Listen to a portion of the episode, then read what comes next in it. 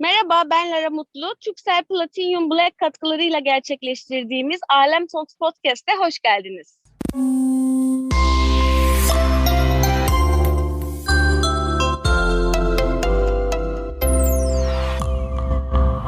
Merhaba Arzu, Alem Talks Podcast'e hoş geldin. Nasılsın? Merhaba Lara, hoş bulduk. Teşekkür ederim. Sen nasılsın? Ben de iyiyim. Çok teşekkür ederim. Yılın son gününde seninle buluşmak çok keyifli ve heyecanlı. Benim için de öyle. Çok teşekkürler. Heyecan dolu bir gün. Aynen öyle. E nasıl geçti bu sene? 2021'i e, özetleyebilir misin benim için? Tabii bu sene sanıyorum herkes için aşağı yukarı aynı heyecan ve belirsizlikle geçti. Pandemiden çıkıyoruz, çıkmıyoruz derken e, her şey birbirine girdi ve e, kimi zaman çok yoğun, kimi zaman koşturmacalı, kimi zaman e, heyecanlı, korku dolu e, ya da mutlu pek çok şeyi bir arada yaşadığımız çok enteresan bir seneydi. Gerçekten öyle. 2022'den beklentilerin neler? Çok klişe 2000... bir soru ama herkesin merak ettiği bir soru. Yani genel olarak hani böyle e, hem tasarımların anlamında, koleksiyonların anlamında hem genel olarak kişisel hayatında bu sene neler olsun? Bütün gönlümden geçenleri dinlemek istiyorum. ne güzel. Şöyle sanıyorum e, pandemiyle beraber konuyu konuşmaya başlamak doğru olacak. Çünkü e, artık hayatlarımızda yaşadığımızı bile fark etmediğimiz ve o sürenin nasıl geçtiğini anlamadığımız blok bir pandemi dönemi var ve tam olarak da bitmiş değil. E, o yüzden e, ben öncelikle talep ediyorum ki e, bu yaşamadığımız, hakkıyla yaşayamadığımız yıllar bir kere hesaba dahil edilsin. Bunlara bir uzatma alalım. bu çok iyiydi gerçekten. Ben Mart 2020'de kaldım mesela. Bir adım evet evet geçemedim. yani oradan sonrasını hatırlamıyoruz. Yani oradaki süreç daha farklı ilerledi. Hepimizin yaşamları için. E, hani kaybettiklerimiz, uzaklaştıklarımız, dönüştüklerimiz ama çok net olan bir şey var. Hani buna iyi ya da kötü demek de kolay değil. İyi demek de kolay değil. Kötü demek de kolay değil. Ama insanlık adına çok önemli bir uyarıcı bir süreçten geçiyoruz. İklim krizi adına, e, sürdürülebilirlik adına, bütün toplumlar olarak, insanlık olarak birbirimizle ilişkide olmak adına hakikaten çok önemli testlerden geçtiğimiz bir süreç bunlar ve ne kadar öğreniyoruz ve ne kadar öğrenerek bundan çıkıyoruz bundan da çok emin değilim sağlam bir testten geçiyoruz ama test sonucu ne kadar başarılı bundan çok emin değilim. ama en azından testten geçtiğimizi fark ediyor olmak belki bir nebze uyandırmaya ya da bundan çıkış sürecini hızlandırmaya fayda sağlar diye umuyorum. Pandeminin bize öğrettikleri sürdürülebilirliğin, ilişki kurma sisteminin kendimizle ve yaşamdaki her canlı varlıkla olan ilişkimizin yeniden tanımlanması gerektiğini öğretti. O yüzden e, hani bitkimizle, suyumuzla, çiçeğimizle, e, yastığımızla, yorganımızla, kıyafetlerimizle ve özellikle kıyafetlerimizle olan ilişkide bu kadar hızlı bir tüketim ağı ve sistemi içerisinde bulunuyorken bunun da değişmesi gerektiğini fark ettirdi. Dolayısıyla şimdi yeni bir düzen kuruyoruz. Benim kişisel olarak beklentim 2022'den birbirimizi kendimize daha anlayışlı bir yıl geçirebiliyor olmak. Çünkü anlayış olduğu zaman aslında birçok şey kendi içinde daha kolay olabiliyor. Birbirimizi anlayabilmeye dair daha büyük bir özen içerisinde olabiliyoruz. Bu anlayışın içerisinde daha az ve nitelikli bir kullanım alanı var. Daha uzun süreli ilişkiler kurmak, hayattaki her şeyle ve giysilerle gene kendi mesleki alanımdan aldığımda gibi bu yeni parametreleri biraz daha sahiplenmek, bunları özümsemek, bunları büyütmek, bunları konuşmak, bunları öğretmek gibi bir hedefim var. Beklentilerim çok çünkü 2022 böyle dolu dolu, içinde bolca ikinin olduğu çok güzel bir seneye benziyor. Çok güzel özetledin gerçekten. Senin sürdürülebilirlikle ilgili dedin ya, özellikle kıyafetlerinizle ilgili, sürdürülebilirlikle ilgili pek çok çalışma yaptığını biliyorum. Aynı zamanda, eee, teknolojik tasarımlarla da ilgili. hı.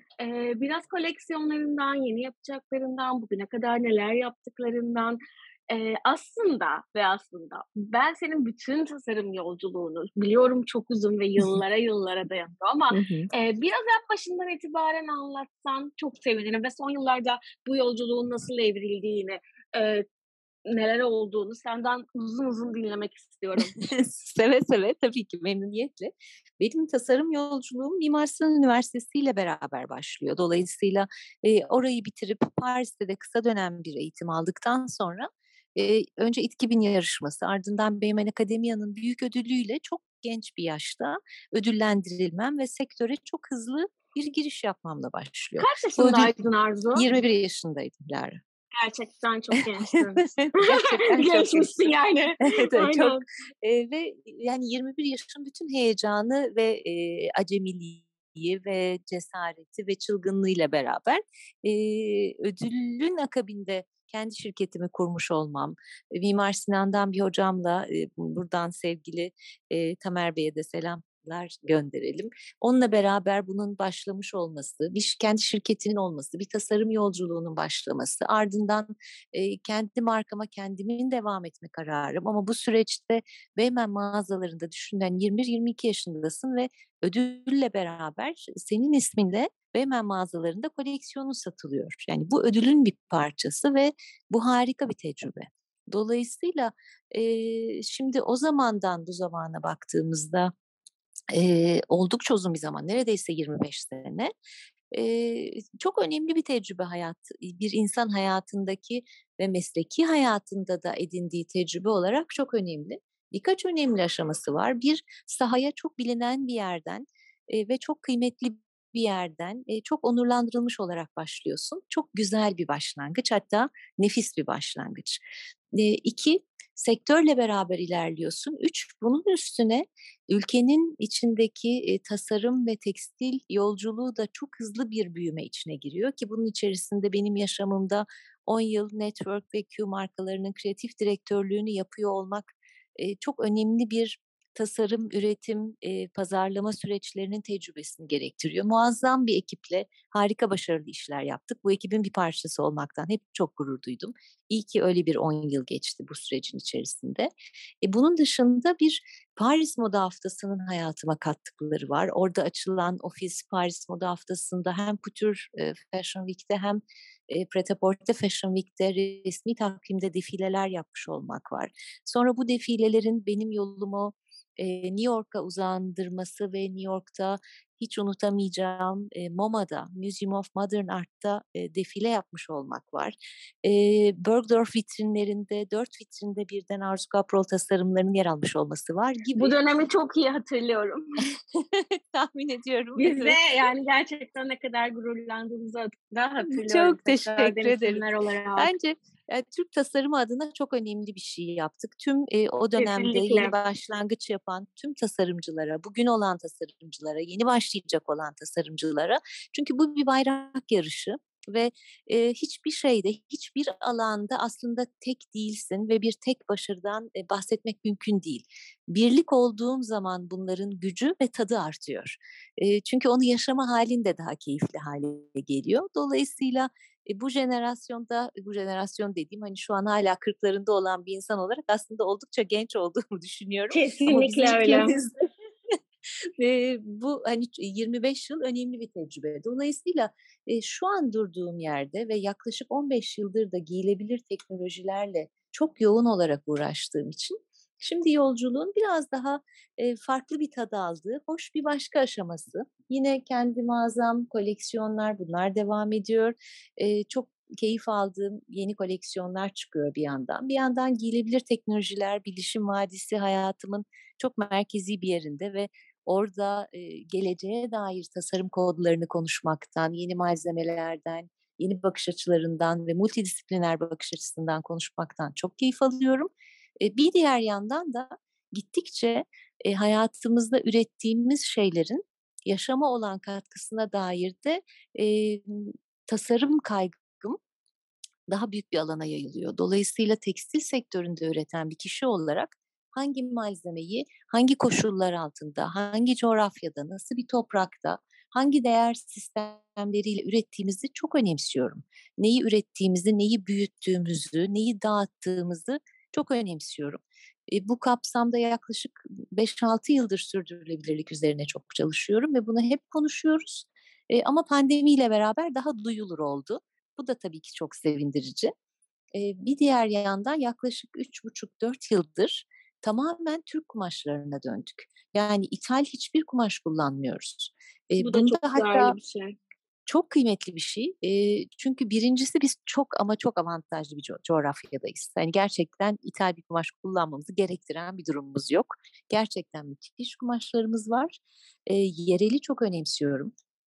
Buradan yani yerelden geleceğe taşınabilecek çok önemli şeyler olduğuna inanıyorum. Çünkü e, geleneğin geleceğe dönme halini ancak biz inşa edeceğiz. Bu e, daha romantik bir gelenekselcilik hiç değil. Hani bunu çok gelecekten e, astronot kıyafetleriyle uğraşan bir e, bir tasarımcı bakış açısından bakarak söylüyorum. E, hı hı. Dolayısıyla geleneğin çözümlenmesi gereken çok önemli bir kısmı var geleceğe taşınabilecek ve bu coğrafyada e, bunun çok güzel birikmiş bir hali var. Dolayısıyla bunu çok akıllıca üzerinde çalışmak gerekiyor. E, ve bir yandan da mesela hani o kadar yerli kumaşı önemsiyorum ki e, örneğin pamuğu bile alıyorken hani sadece organik olması değil önemli olan ama ithal pamuk mu yerli pamuk mu diye soruyorum. Hani Ege bölgesi pamuğuysa alıyorum.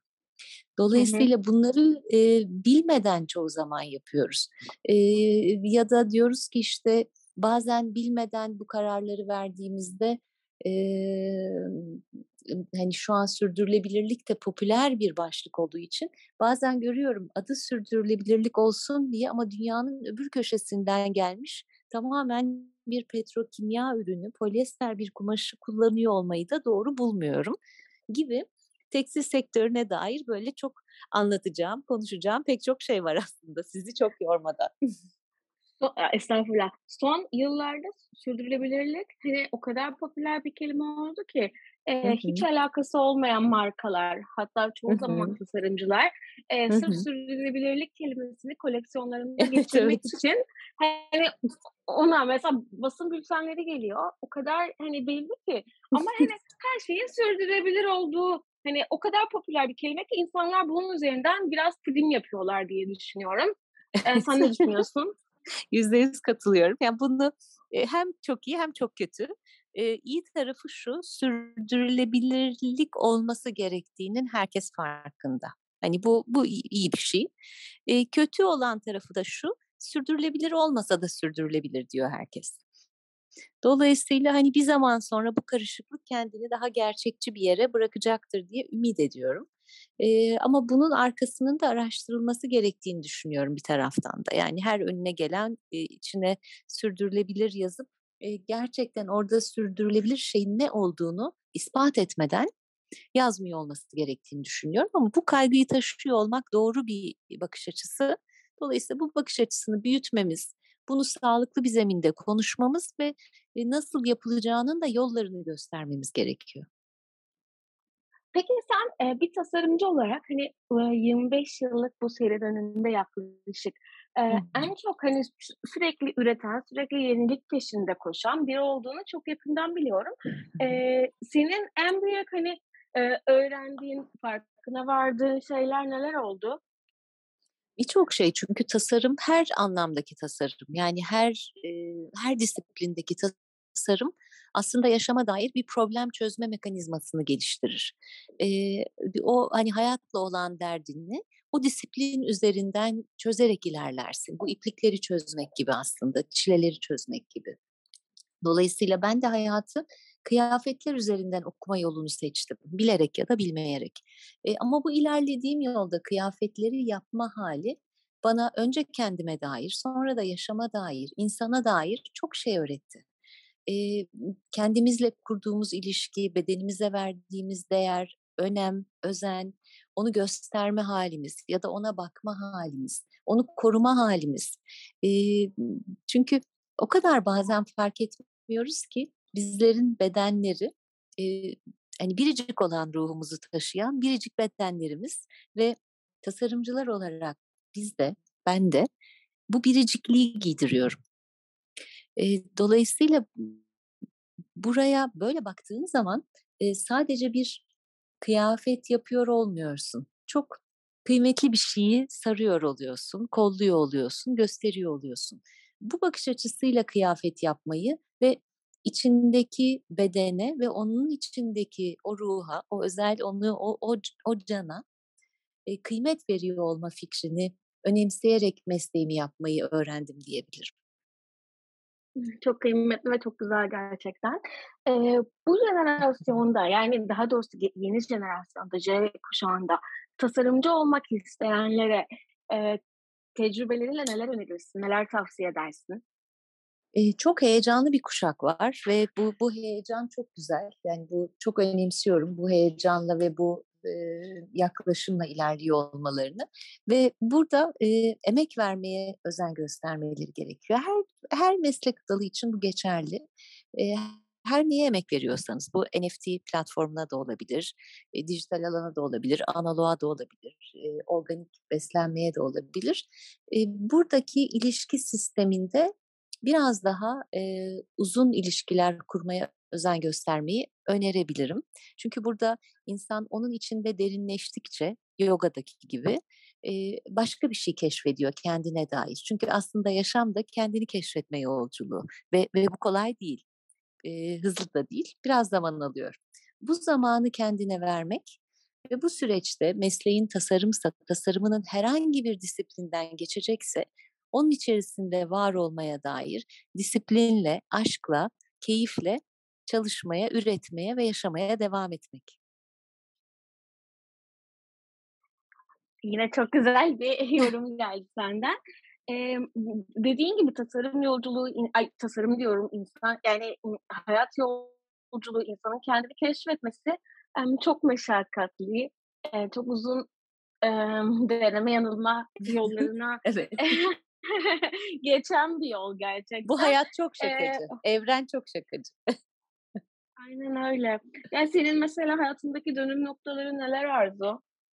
Birçok var. Ee, yani hemen ilk aklıma gelenler hani ilki Mimar Sinan Üniversitesi'ne girmek, iki Paris'te okula gitmek, üç Bemen Akademiye yarışmasını kazanmak gibi pek çok e, farklı alanlarda dönüm noktaları var. Bir diğeri e, hemen kronolojik olarak ilerlersek ofisimi açmış olmak 21 yaşında.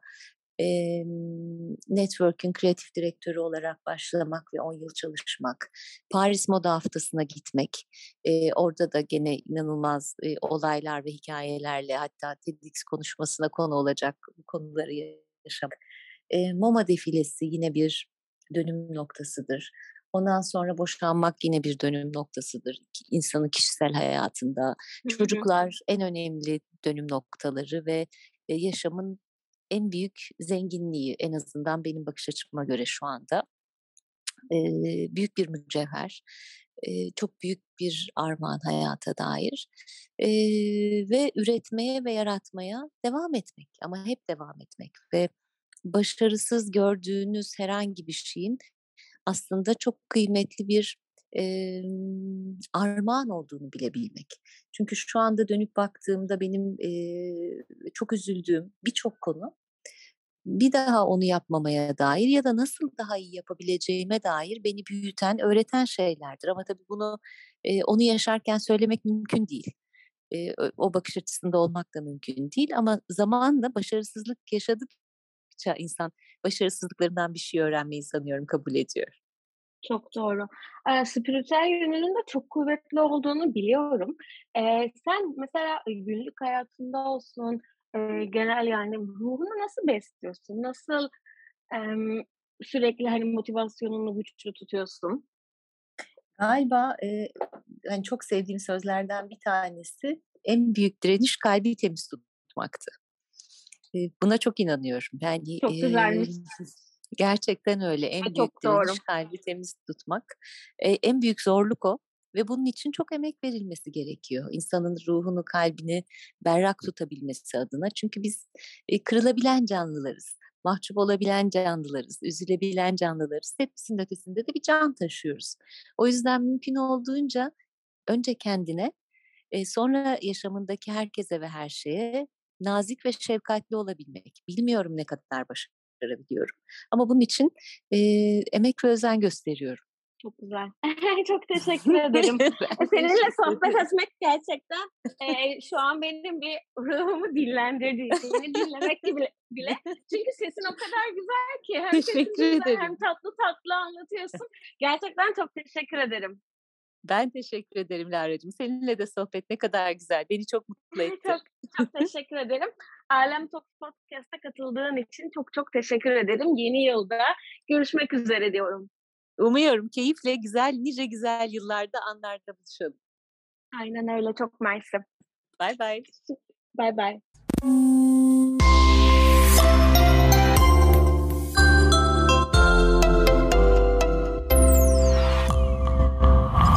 Türksel Platinum Black katkılarıyla gerçekleştirdiğimiz Alem Talks Podcast'ı dinlediğiniz için teşekkürler.